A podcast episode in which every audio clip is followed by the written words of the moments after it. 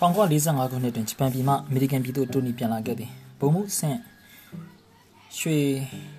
ဝတ်တချရက်ကလေးများပခုံးပေါ်မှာတလက်လက်ရင်ဘတ်တွင်တစိမ့်တွေဖွဲ့ပြားတွေအပြည့်အာရှနဲ့ပစိဖိတ်တိုက်ပွဲတစိမ့်ကျဲ3ပွင့်ဒုတိယကမ္ဘာစစ်အောင်ပွဲခံဖဲပြားဖိလစ်ပိုင်အောင်ပွဲဖဲပြား Morris Clayton ဘီဒန်နဲ့ဝါတန်အကျိုးဆောင်လုပ်ငန်းမှာအဖွဲ့သားတွေအားလုံးကသူ့ကိုဝမ်းသာအလဲကြိုဆိုကြသည် ဂုံပြုတ်ပွဲကလေးပင်လှုပ်လိုက်သည်အကျိုးဆောင်လုပ်ငန်း၏ခေါင်းစည်းစာရေးစက်ကူထိတ်တွင်အခြားသောရှေ့နေတစ်ဆက်ဦးနဲ့အမည်နဲ့ရှင်လည်းတိုနီအမည်တိုးလာခြင်းမှာဘုံမချင်းတူမဟုတ်ပါလားဒီဒီမှာလည်းတိုနီအတွက်ထထိုက်တန်တန်နေရာရခြင်းဖြစ်သည်အားလုံးကောင်းပါသည်လုပ်ငန်းပိုင်စာရေးစက်ကူထိတ်တွင်ပထမဆုံးတီထောင်သူရှေ့နေကြီးလေးဦးအမည်ကတစုသူတို့၏နာမည်ဘေးတွင်ကလပ်တွေအများကြီးခြံပြီးမှလက်ရဘက်အစွန်တွင်အခြား၅ဦး၏အမည်ကိုပုံနှိပ်ထားသည်၎ င်းတို့အောက်တွင်ကျန်ရှိနေငယ်များတစ်နှစ်ကိုဝင်ငွေ9000အထက်ရှာပေးလျင်လက်ရဘက်အပေါ်အုပ်စုထဲသို့ဝင်သွားမည်ထိုမှတဆင်ဖီလာဒဲလ်ဖီးယားထက်တန်းလှော်နှင့်အမေရိကန်ဥပဒေအတိုင်းဝိုင်းတွင်နာမည်ကြီးသွားမည်ဆိုရင်လော်ဝဲဘက်အုပ်စုထဲတွင်တင်နာမည်ကိုပုံနှိပ်ပေးမည်ဖြစ်သည်ဖီလာဒဲလ်ဖီးယားအတိုင်းဝိုင်းတွင်ဝန်ဆောင်ဖို့ဆိုသည်မှာအမေရိကန်တပြည်လုံးရဲ့နာမည်ကျော်ဖို့ထက်ပို၍ခက်ခဲသည်ဟုရှင်းနေတိုင်းကယူဆထားသည်ဒီကောင်းစည်းစာရွက်ဤလက်ရှိနေရာတစ်သက်လုံးနေသွားဖို့တူညီရည်ရွယ်သူမဟုတ် ကုန်ခဲ့သည့်9နှစ်ကာလကိုတူချပြီးသူများထက်ပိုကြိုးစားရမည်။တက်ကလည်း32နှစ်ထဲသို့ဝင်လာပြီ။နာမည်ကျော်ရှိနေဖြစ်အောင်လုပ်ရမည်။ဝင်ငွေရှာရမည်။ပြီးတော့မိမိတက်လန်ကိုထွန်းနေနိုင်မည်။ဇနီးလောင်တယောက်ကိုရှာရမည်။ပထမဆုံးလိုအပ်သည့်အလုပ်ဖြစ်သည်။ပထမပုံမှန်အမှုတွေလုပ်ငန်းရှင်တူရတာဖို့ဖြစ်သည်။မန်နေဂျာတွေကမိမိအားလက်ဆွဲရှိနေဖြစ်တုံးနေဝင်ငွေတက်ပူစီရမရှိတော့သို့တော့ လုပ်ငန်းရှင်ကြီးတွေစီမှာလက်ဆွဲရှိနေတယ်လက်ဆွဲအကျိုးဆောင်ကုမ္ပဏီတွေရှိပြီးသားဖြစ်သည်ပြီးတော့ရှင်းနေပဒိညာနဲ့အမှုတွေကိုဖိတ်ခေါ်စီယုံခြင်းမပြုရလိုင်စင်အသိမ်းခံရသည့်အထိပြစ်ပေးနိုင်သည်လုပ်ငန်းရှင်ကြီးများနဲ့ဆက်သွယ်ရန်တူနီးရန်ဆက်သွယ်မရှိမိသားစုအရှိန်အဝါမရှိဆွေမျိုးအတိုက်ဝမ်မရှိကိုယ်တိုင်ထွက်ချလို့ရသည့်ကိစ္စမျိုးမဟုတ်ရောင်းကုန်ကိုဈေးထဲတွင်ဖြန့်ချပြီးဝယ်ပါယူပါမအော်ပဲငေါ့တို့ထိုင်ဆောင်နေရသည့်ဈေးတယ်လားငါရောင်းကုန်ကဘာတွေပါလဲတူနီကဆန်းစစ်သည့်အချိန်ယူစဉ်းစားပြီးမကြသေးငါကမှခက်စားလာသည့်ရှေ့နေလုပ်ငန်း ခုကိုသတိပြုမိသည်အမေခွန်ကိစ္စကိုဆောင်ရွက်ပြီးသားသည့်တည်တံ့လုပ်ငန်းလူရကဘာစစ်ပြီးတဲ့အမေခွန်စစ်ချက်သည့်ဥပဒေသစ်တွေပေါ်ထွက်လာသည်လက်ရှိဥပဒေကျိုးဆောင်လုပ်ငန်းများသည့်လုပ်ငန်းရှင်ကြီးများအားငွေကိုမပြောက်ပြအောင်ထိမ့်သိမ်းသွားဖို့သာဒီပြည်လံပြပြုနိုင်ပြီးစီးပွားတိုးတက်အောင်ငွေပိုပိုရအောင်လမ်းညွှန်ကူညီနိုင်ခြင်းမရှိကြခြင်း ဤတွင်ရှင်းနေအချို့သည်အခွန်စည်းကြမှုဥပဒေတစ်ခုကောင်နှစ်ခုကောင်ကိုအဆောင်ချလေးလာကြသည်တိုနီကဤသို့မဟုတ်အခွန်ဥပဒေမျိုးမျိုးကိုအရေးကြိုးတောင်းနိုင်သည့်အထိလေးလာပလာသည်ဒီလိုကိစ္စမျိုးကိုဘယ်ဥပဒေကိုတုံးပြီးအညာခံရမည်ကိုနားလည်သည့်အထိလေးလာသည်1946ခုနှစ်တစ်နှစ်လုံးဥပဒေအခွန်ဥပဒေစာအုပ်ပုံထဲတွင်ဘဝကိုနှိမ့်မြုပ်လိုက်သည်အခွန်နဲ့ပတ်သက်သည့်မြို့နယ်ဥပဒေပြည်နယ်ဥပဒေပြည်မဥပဒေပြည်ထောင်စုဥပဒေ ထိုနှစ်ဒီဇင်ဘာလတရက်တွင် Mrs. J. Arthur Allen သူ့ရုံခန်းထဲသို့ဝင်လာသည်။လာပေါင်းများစွာစောင့်မျှော်ခဲ့ရသည့်ခွင့်ရတရားဆက်ဆိုင်မင်းများရောက်ခဲ့လာခြင်း။ခရစ်စမတ်အကျိုးနေ့နန်းခင်းတဲ့ဒူနီတယောက်အခြားသောလှုပ်ဖော်ကံပဲအနေငယ်နဲ့တူရုံးကိုစောစောရောက်ပြီးအလုပ်လုပ်နေစဉ်ဖြစ်သည်။အဲကျိုစီမာတွေကရုံခန်းထဲသို့ဝင်လာသည်။အနောက်ကျဖြစ်ရင်ခွင့်လွှတ်ပါ Mr. Lawrence ပြန်မှာအဖွားကြီးတယောက်ရောက်နေပါတယ်။ကြည့်ရတာတမျိုးပဲရှင်းနေတယောက်နဲ့တွေ့ချင်လို့တဲ့။ဘာအတွက်တွေ့ချင်တာလဲ။ တိုနီကပြန်မေးလိုက်ပြီးတူးတူးဆန်းဆန်းရှင်းခွေးကိုအမွေပေးဖို့တည်တန်းစာရေးချင်လို့တဲ့။ဘယ်သူမှမရှိဘူးလို့ပြောလိုက်ရမလား Mr. Lawrence ။စပွဲဘော်ကအလုပ်တွေကိုကြည့်၍တွေးလို့စိတ်မရှိတော့လဲခရစ်စမတ်ဖိနေမို့။အော်သူကမြအခါကြီးရက်ကြီးတည်တန်းစာကိစ္စမပြတ်တာနဲ့စိတ်နှောက်ယှက်ဖြစ်နေရတော့မယ်ဟုတွေးပြီးခေါ်ခဲ့လေကွာခရစ်စမတ်ဖိုးဖိုးပါငါအခန်းထဲကိုတစ်ခါလေးလွတ်ပေးလိုက်။စေးမလေးပြန်ထွက်သွားသည်ခဏကြာတော့ပြန်ဝင်လာသည်။ဖွားကြီးတယောက်ကိုလက်တွဲခေါ်လာသည်။ဖွားကြီးကတိတိတွဲတွဲဖြစ်သည်။ဖီလာဒဲလ်ဖီးယားဆိုသည့်မြို့သည် နဲ့နဲ့နောင်နောင်အဖွားတို့အလွန်ပေါ်သည့်မြို့ဖြစ်သည်။သူတို့သည်လွန်ခဲ့သောနှစ်ပေါင်း30လောက်ကခစ်စားသည့်အောက်တိုဝတ်စားတွေကိုဝတ်ဆင်ကြမယ်ဖြစ်သည်ဟောင်းနှန်းဆုပ်ပြက်နေသည့်လက်ပွေအိမ်မျိုးကိုလည်းမြင်းမြင်းနုံနုံကိုင်ထက်ကြသည်တွေ့ရတော့ဝမ်းသာပါတယ်ခင်ဗျာကျွန်တော်ကတိုနီလော်ရန့်စ်ပါထိုင်ပါခင်ဗျာကျွန်တော်ဘာကူညီပေးနိုင်ပါသလဲဖွားဖွားဟောမင်းကရှေ့နေကိုอืมဖီလာဒဲလ်ဖီးယားမှာရှေ့နေလုပ်တဲ့သူရှိသေးလို့ ဝမ်းသာတကယ်ချမပေါ့ဘူးအဖွားရဲ့တည်တန်းစာမှာတပြည့်ချင်လို့ခုချက်ချင်းလုပ်ချင်တာမင်းလုပ်ပေးနိုင်ပါမလားရတယ်အဖွား Mrs. J. Arthur Allen တိုနီကအဖွားကြီးနာမည်ကိုစားပေါ်ရင်ရေးချလိုက်ရင်ဒီနာမည်ကိုကြားပြီးပါတယ်ဇဝေးစွာဖြစ်နေသည် J. Arthur Allen J. Arthur Allen ဟုတ်ကဲ့ပါကျွန်တော်ဘာဆောင်ရွက်ပေးရမလဲပြောပါခင်ဗျာအေးဒီလိုကွယ်မနက်အိပ်ရထားတော့အဖွားနှုတ်ဆက်ဖို့ချစ်တော်ကလေးဝင်လာတယ်ဒီကောင်မနာမည်က Beauty တိတ်ချစ်ဖို့ကောင်းတဲ့ခွေးမကလေးဒီမှာနေအဖွားတစ်ခုစဉ်းစားမိတယ်ဒီမနက်ခင်းအဖွားသာမရှိရင် beauty ကလေးဘယ်လိုနေရှာမလဲအစီကံတွေကခီးဆိုင်ကြမှာပါဒါပေမဲ့ရေရှည်ကြတော့ဟုတ်ကဲ့ဖွာခဏလေးနော်ကျွန်တော်လမ်းမနေလို့ပါ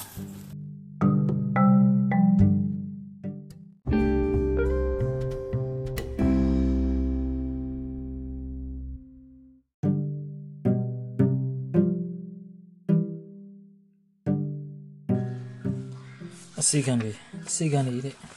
ဒီကကြီးမှာအစီကံတွေကိုတယောက်ထပ်ပို့ပြီးထားရင်ဒီမျိုးတွေဘယ်နှဦးရှိနိုင်မလဲစာရွက်တစ်ရက်ပေါ်ရင်ခတ်တွတ်ကြီးလိုက်ပြီ Mrs. G. Arthur ရဲ့အမည်ကိုမျိုးမျက်နှာဖုံးစင်းတွင်ရှာကြည့်မတွေ့လျင်လုပ်ငန်းရှင်ကြီးများတကြဲရှင်းများရင်ကြည့်တွေ့လျင်စာရွက်ပေါ်မှာရှိပြီးတော့ပေါ့ဟုတ်ကဲ့အဖွာပြောပါဒီတော့အဖွာသတိထားမိတယ် ပြည်တန်းစာထဲမှာ beauty တော့ဘာမှထည့်မရရသေးဘူးအဖွာသာတည်သွားရင်သူ့ကိုဖြစ်ကတဲ့ဆန်ရောင်းပြကြမှာဒါမှမဟုတ်ရင်တယောက်ယောက်ကိုပေးပြချင်းပေးပြမှာခွေးမချစ်တဲ့သူကိုပေးလိုက်မှဖြင့်မင်းတို့ရဲစရာအသေးအဖွဲဖြစ်မလာဘူးဖွားအတွက်တော့ beauty ကတိတ်အရေးကြီးတယ်မှန်ပါတယ်ခင်ဗျမှန်ပါတယ်အတက်တရထောက်ခံရင်တိုနီကဆာရွက်ကလေးကိုအထွက်ဆာရွက်ခွတ်တဲ့ထည့်ပြီးတွင်းရင်မှုကိုခလုတ်နှိပ်ခေါ်လိုက်သည် Mrs. Elling ကစကားဆက်သည် beauty ရဲ့အဖွာမီဂရစ်လက်ထဲကို beauty ကိုအဖွားရဲ့မြေ grace လက်ထဲကိုတီးချာချာရအောင်စီစဉ်ခဲ့ခြင်းတယ် grace ကမှ beauty ကို cue ဆိုင်မှာဒါကြောင့်အဖွားရဲ့တည်တဲ့စာထဲမှာဖြစ်ဆက်ချင်တာလေ beauty က grace လက်ထဲကိုရောက်အောင်မယ်ဒီနာမည်နှစ်ခုကိုမရောစင်တဲ့တကယ်တူနီတစ်ချက်ရည်သည်မရောစီကိုဂရိပေးလိုက်သည်တွင်းမလေးမျိုးသမီးဝင်လာသည်တိုနီကအထက်ဆိုင်ကိုလက်ညှိုးထုတ်ပြသည်ဆိုင်လေးကိုကောက်ပြီးတွင်းမှာထွက်သွားသည် ကင်တာရီထားပါအဖွားရက်ပြန်ကောက်သည်မြို့ကိုယထာနဲ့လာခဲ့တာဘူရာယုံကနေအဖွားကုန်းချောင်းလျှောက်ခဲ့တာဘိုက်ဆလာမမနက်ဆာမစားရသေးတော့တတိရတယ်ဒါနဲ့ဇီပိုပေါ်ဆိုင်နေထဲမှာဘိုက်ပြည့်ပြီးဒီကိုလာတယ်ဗျာဒီကိုလာခဲ့တယ်ကျွန်တော်တို့အကြီးဆောင်ဖွဲ့ကတယောက်နဲ့များအဖွားသိလို့လားဟိုမသိပါဘူးမသိပါဘူးအဖွားရဲ့ကိုပိုင်ရှိနေရှိတယ်သူ့ခံကိုသွားတော့ဘယ်သူမှမတွေ့ဘူးအကြောင်းကြောင့်ကောင်မလေးတယောက်ပဲတွေ့တယ်သူကအဖွားကိုမသိဘူးဒီတော့အလုံးမဖြစ်ဘူးဒါနဲ့လှေကိုင်းကဆန်းဖို့ကြီးကြည့်တော့မင်းတို့အဖွဲ့ကိုတတ်တွေ့တယ်အဖွားရှိနေပြီဆိုတော့ကျွန်တော်တို့သိနိုင်ခွင့်ရှိပါသလား Mr. Dickinson ဒါဝိစ်နေမင်းသိမှာပေါ့ဟုတ်ကဲ့သိပါတယ်ကျွန်တော်ဥပဒေကျောင်းသားဘောက်က Mr. Dickinson စီမှာတော့အလုပ်လုပ်ခဲ့တယ် Mr. Dickinson နဲ့ Mr. Dawis တို့ကိုရှာပြီးကျွန်တော်အကြောင်းကြားပေးပါမယ်ကွာကျွန်တော်တို့ရှင်းနေချုံမှာတရားရဲ့အမှုတွေကိုတရားကခေါ်ယူခွင့်မရှိပါဘူးမင်းကချုပ်ကိုခေါ်ယူတာမဟုတ်ဘူးကျုပ်တဘောနဲ့ကျုပ်ဒီကိုလာခဲ့တာဒီအတွက် Mr. Dickinson နဲ့ Dawis တို့ကမကျေနပ်ဘူးဆိုရင်ကျုံမတတ်နိုင်ဘူးနောက်တစ်ခါဆိုရင်သူတို့ရုံကတငယ်မကိုကျုပ်ဆိုတဲ့အဖွားကြီးဘယ်သူဘဝမှန်းသိလာမှာပါ ကောင်းပါပြီဖွာဒါပေမဲ့တခုတော့အဖွားသိစီချင်ပါတယ်ကျွန်တော်ဒီကိစ္စကိုဒီကိစ္စနဲ့ဒါဝိကိုကူညီတဲ့သဘောနဲ့ဆောင်ရွက်ပေးမှာပါတကယ်လို့အတွင်းရမှုမြို့သမီးကတိုနီစပွဲပေါ်နဲ့စာရတရလက်တင်ပေးသည်ဖတ်ချစ်လိုက်သည် Mrs. G. Arthur Allen အမည်ကိုမျိုးမျက်နှာဖုံးစင်းရင်နဲ့ရှာတွေ့သည်အမည်ရေးတာပိုင်ရှင် Allen ရေနံကုမ္ပဏီပိုင်ရှင်ဖြစ်ပါသည် Allen ရေနံကုမ္ပဏီမှာနေလူလာလို့တင်ရှားသည့်ကုမ္ပဏီဒီကုမ္ပဏီ share တွေအများဆုံးပိုင်နေဖြစ်ရမယ်ဟုတ်ကဲ့အဖွာကျွန်တော်မူလတည်တန်းစာ ရှိတဲ့နေ့အမေရှိပါကျွန်တော်ကိုကျွန်တော်ဆက်လုပ်ပေးပါမယ်။ဖွားကလက်ပွေကိုဖွင့်ပြီးစာရွက်တွေကိုထုတ်သည်ပြီးတော့တွေ့ရချင်းလှမ်းကြည့်သည်ဟောဒီမှာ1914ခုနှစ်ဇွန်လ6ရက်နေ့ဖွားရဲ့မြေးမိအပြည့်စုံကိုပြောပါဖွား။ Grace ပါလေ Grace Shippen နောက်တစ်ချိန်မျက်လုံးပြရသည်အလွန်သတင်းကြီးသည့်ရွှေမင်းသမီးပဲ Grace Shippen ဟာဖွား Ellen ရဲ့မြေကို Philadelphia နဲ့ Grace ကိုမသိသူမရှိမကြားဘူးသူမရှိစာနယ်ဇင်းလူမှုရေးများတွင် လူမျိုးကဏ္ဍများတွင်ထိတ်ဆုံးကပါနေကြမဟုတ်လား Grace မှာအသက်ဆိတ်မြတ်သာရှိသည်လှသည်သို့တော့အေးဆက်ဆက်အရာမအမွေတွေရမည်တန်းကျွဲတေးလောင်းမှလေးဖြစ်သည်သူ့တပ်ပုံသူ့တဲ့မှာသတင်းစာမှာပြက်လာသည်မရှိမျိုးရိုးကိုပြန်ကြည့်မိဆိုရင်အဖွားမိဘဘိုးဘွားထဲမှာ Grace Shippen ဆိုသည့်မြို့သမီးတူမှာ Benedict Arnold နဲ့အိမ်အောင်ကြဖို့သည်တိုနီကောင်းနေမူနာတော့ဖြစ်သွားသည်ဟုတ်ကဲ့ပါကျွန်တော်ထပ်ပြပြင်ဆင်ချက် တည်တန်းစာရေးဖို့ကောင်းမလေးတက်ကိုခေါ်လိုက်ပါမယ်ဖေဖေဆူဆူတိုနီကလုတ်နေတဲ့ဒီထိုးစင်တယ်လီဖုန်းလမ်းမီလာသည်ဟော့ခင်လိုက်သည်တိုနီလော်ရန့်စ်ပါဟယ်လိုတိုနီတစ်ဖက်ကအတန်ခတ်အုပ်ခတ်တူလိုကင်ကလေးတန်မှာတိုနီဒီမဲကိုလူတယ်လီဖုန်းကိုမောင်းရင်နာတအားဖိချဆန်ကိုအတန်ကိုဘေးကမကြားစင်နဲ့လိုကင်ကလင်တန်ကတိုနီတို့ရှင်းနေအဖွဲဥဆောင်ငါဦးလင်တူဖြစ်သည်ဟုတ်ကဲ့ခင်ဗျမင်းစီမှာတကယ်ဧည့်သည်တယောက်ရောက်နေတယ်သူကြားတယ်ဟုတ်ပါတယ်ဦးအေး မင်းမျက်နှာချင်းဆိုင်မှာဒေါ်လာတန်း100ဒါမှမဟုတ်တန်း50ထိုင်နေတာဒါပေမဲ့မင်းသိချမကန်တဲ့တိုင်ဘုံတစ်လုံးပဲကိုလူတို့တွေ Mrs. Ellen Dickinson တို့ရဲ့ရှေ့နေရှေ့နေနဲ့အမှုဆက်ဆံရေးကိုဝင်နှောက်ဆက်ရရောက်တယ်ဒီမျိုးသမီးကြီးမင်းစီမှာရောက်နေတဲ့အကြောင်းသူတို့ကိုအကြောင်းကြားပြပြီလားကြားရသေးဘူးသူတို့စီကိုတွားတင်ပါတယ်လို့မင်း Mrs. Ellen ကပြောသေးလားဟုတ်ကဲ့ပြောပါတယ်အေးဟုတ်ပြီကောင်းတယ်ဒါဆိုသူ့သူဘာနဲ့သူဒူးစီလာတယ်ဆိုရင်ရှင်းနေနော်မှန်ပါတယ်ခင်ဗျ ကောင်းပြီ Mrs. Ellen ကိုဒူးစီအောင်တော့မဟုတ်ကြောင်းသိကြတဲ့သိကြအောင်ရှင်းထားရမယ်တူနီတကယ်စံတဲ့တောက်ပြီးကိုရှာပြီးမှဖုံးဆက်နေတရားရောက်ကိုတွေ့မှာပါအနေကြီးတွေရောဘုံဆောင်နေမှာသိကြတယ်တခုတော့တတိထားတုံးနီငါတို့ရဲ့ Morris Clayton ဗီဒီယိုနဲ့ Water ကုံသတင်းကိုထိန်းထားဖို့အမှုတွေတယောက်ရဖို့ထက်ပိုရေးကြီးတယ်ဟုတ်ကဲ့ပါဦးဒါပဲတော့တူနီဖုံးချလိုက်သည်တူနီဒေါပွားသည်လိုကန်ကလင်တန်နဲ့မိမိအားဘာလို့တင်သည်ဘာမလို့တင်ဘူးဩဇာပဲပေးနေစရာမလိုအပေါ်စီးယူအလွန်ယူလွန်အားကြီးသည်ဒီလိုလူကြီးတွေလုတ်ပေါင်းများပြီ ဆွေမျိုးမျိုးရိုးဆန်ဆန်မိသားစုအရှိန်ဝါကုန်ဖြင့်ပါဝါအာဏာပြတ်တဲ့ဒီကသူတို့အချင်းလက်ရည်တို့စီးမလေးဝင်လာသည်အသင်ဖြစ်ပြီလားတူနီကရောင်းမဆိုင်မိနှုတ်တိုက်ရွတ်တော့သည်တေရန်စာထမှန်ဖြစ်စေချက်ခေါင်းစီမြင်းသားဟာပါဖို့ရကနေကျွန်ုပ်အပြူရေးတာပိုင်ရှင် Mrs. Che Arthur Allen ကိုစိတ်နှပြချမ်းမာနေစဉ်နဲ့ဟေးတငယ်မင်းငါးလေးဆောင်ဘလို့သိလား အဖွားကြီးဖြတ်မိသည်တူနေအငိုင်းမိတာသည်ခဏကြောင်သွားသည်ခုတင်ဆိုင်လေးမှရှိပြီးအပြင်ကကျွန်တော်တွင်မှုကိုစုံစမ်းခန့်နေပါတယ်ဖွာအမှန်တိုင်းဝန်ခံလိုက်သည် Mrs. Allen ခေါင်းတဆက်ဆက်ညှိသည်ဟွန်းဆိုဘူးဆက်လို့အဲဘယ်ရောက်သွားပြီလဲဟုတ်ပြီကိုစိတ်နှပြချမ်းမာနေစဉ်အသိဉာဏ်အဖွားကစကားဖြတ်ပြောတယ်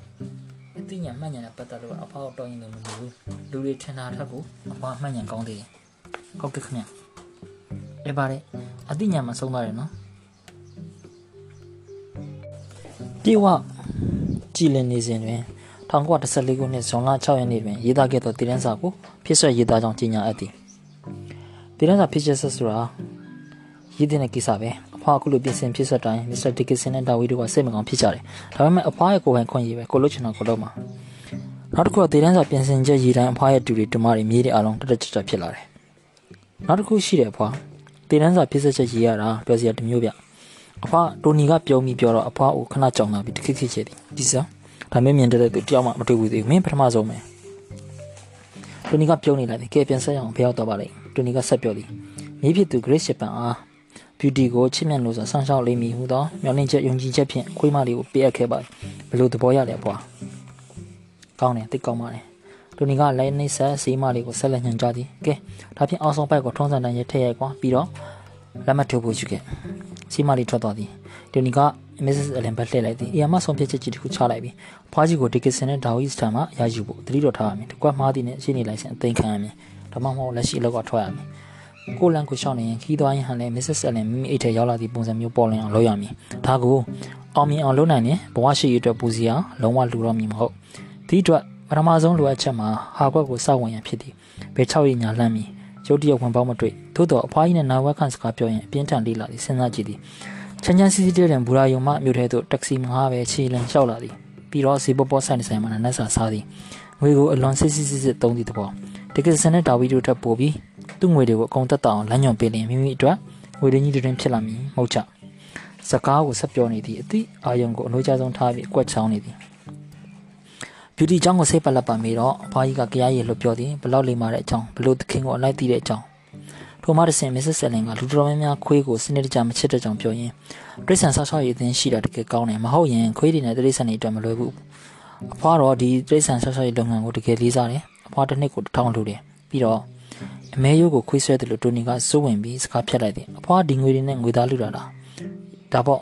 နို့ မဟုတ်ရင်ဘယ်လိုလှူရမှာတော့ကျွန်တော်ဆက်စုတာမဟုတ်ပါဘူးအဖွားမှာအဆုရှယ်ယာတွေအများကြီးရှိတယ်မဟုတ်လားအဲလင်ရဲ့ရေနံကုမ္ပဏီရဲ့အဆုရှယ်ယာတွေကိုကျွန်တော်ဆိုလိုတာမဟုတ်ဘူး General Electric နဲ့ General Motor Company အဆုရှယ်ယာတွေကိုပြောတာအေးရှိတယ်အဲ့ဒါဘာဆိုင်လို့လဲတို့တို့ပါအဖွားအဲ့ဒီအဆုရှယ်ယာတွေမှာအဖွားအတွက်အမြင့်တွေအများကြီးရှိပါတယ်ဒီရှယ်ယာတွေကိုအထူးအမြတ်ကောင်မဆောင်ပဲအဖွားရောင်းလို့မရပါဘူးဒါပေမဲ့ထောင်နဲ့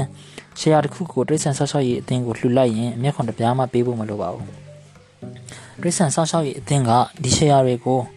တန်ဖိုးအပြည့်နဲ့ရောင်းနိုင်ပါတယ်အဲ့ဒီအတွက်အဖွားရဲ့အမျက်ခွန်မှာဝင်ငွေကနေအလှူငွေကိုနှုတ်ပြနိုင်တဲ့အတွက်အပုံသက်တာအပုံကြီးသက်တာမယ်အတိဘယ်ကအလှူလဲမြောက်တဲ့အမျက်ခွန်နဲ့သက်တာတယ်အဖွားတန်ပွားတာကိုစဉ်းစားမိရလားဖွားကြီးခေါင်းထောင်လာသည်စာကိုထိုးထိုးတော့မြည်ငှက်တကောင်အမူအရာဖြင့်ကောင်းတယ်အဖွားတိတ်သဘောကျတယ်နေပါအောင်မစ္စတာဒီကစ်ဆန်နဲ့ဒါဝစ်ကဘာဖြစ်လို့အဖွားကိုဒီလိုအကြံမပေးတာလဲချီရလက်ရမချန်ပြန်ဖုံးသည်မြင်မြင်လောက်ရမည် ဟုတ်ကဲ့စကားဆက်မိလို့ဖြစ်ပါလိမ့်မယ်ကွာဆက်မိရင်တို့လည်းကျွန်တော်တို့အချံပြုကြမှာပါထိုစဉ်လက်နှိဆက်ရိုက်ပြီးသားစားရည်နဲ့ဈေးမလေးပြောင်းဝင်လာသည် Mrs. Ellen ကနှစ်ထပ်မျက်မှန်ကိုထုတ်ပြီးတလုံးချင်းစစ်စစ်ဆက်ဖတ်သည်အေးကောင်းတယ်ဆိုပြီးလက်မှတ်ထိုးသည်တိုနီနဲ့ဆေးမလေးကအထီးသက်တင်နေရကလက်မှတ်ရေးထိုးသည်ဒီကစ်ဆန်နဲ့ဒါဝစ်ကိုမိတ်တူပေးခိုင်းပြီးစိတ်ကူပြီးမှမလိုချောင်းသဘောပေါက်လိုက်သည်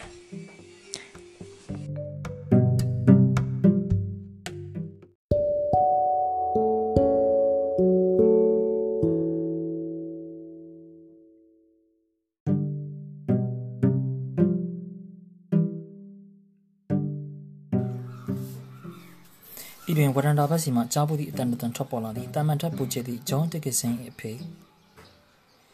ငွေရင်းကြီးကိုပြန်လို့ဖို့အပြေးလွှာလိုက်လာခြင်းဖြစ်သည်တိုနီဂျုံကန်တို့မော်ဒကောဝင်လာသည်အိုးမစ္စစ်ဆယ်ရင်ဒီမနက်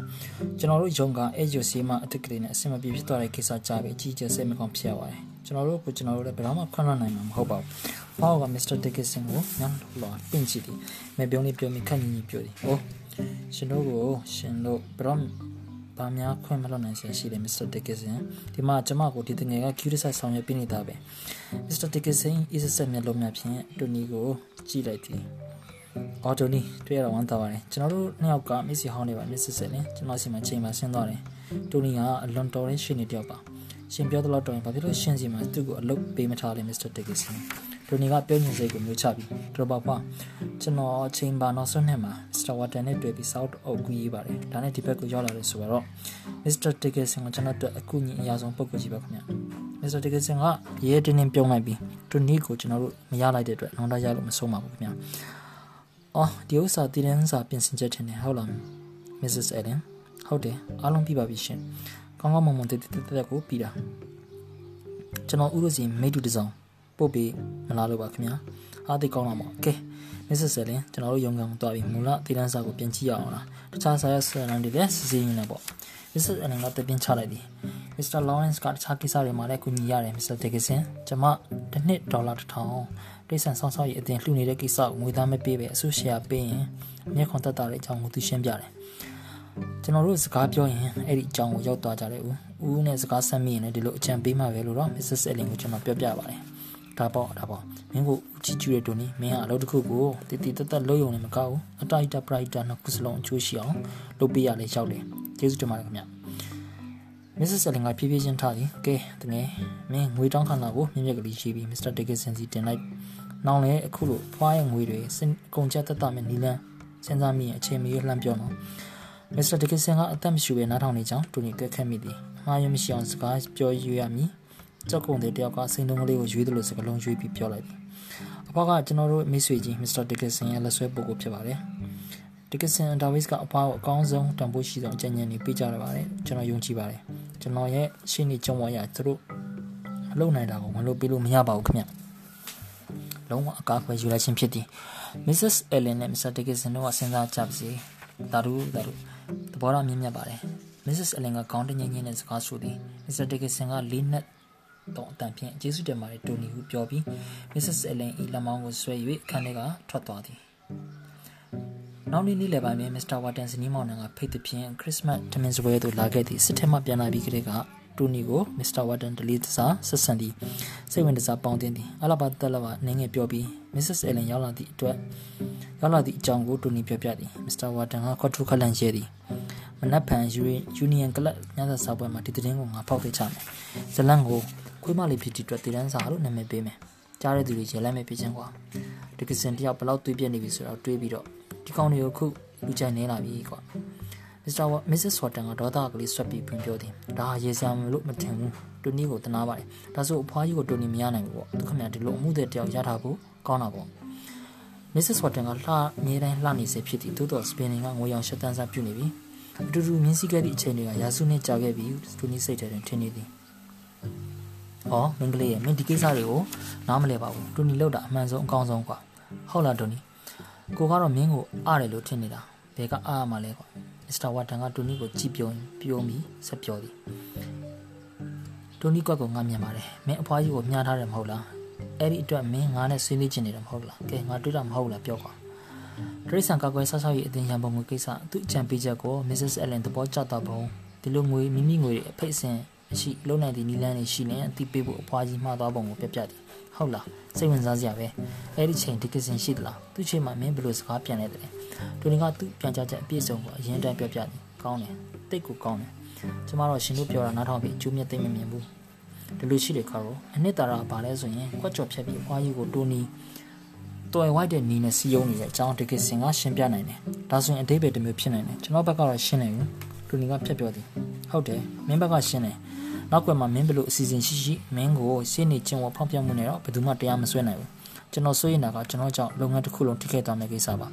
လိုဂန်ကလီတန်ကကျွန်တော်ကိုမနေ့ကစိတ်ပြတ်သွားမှာပဲ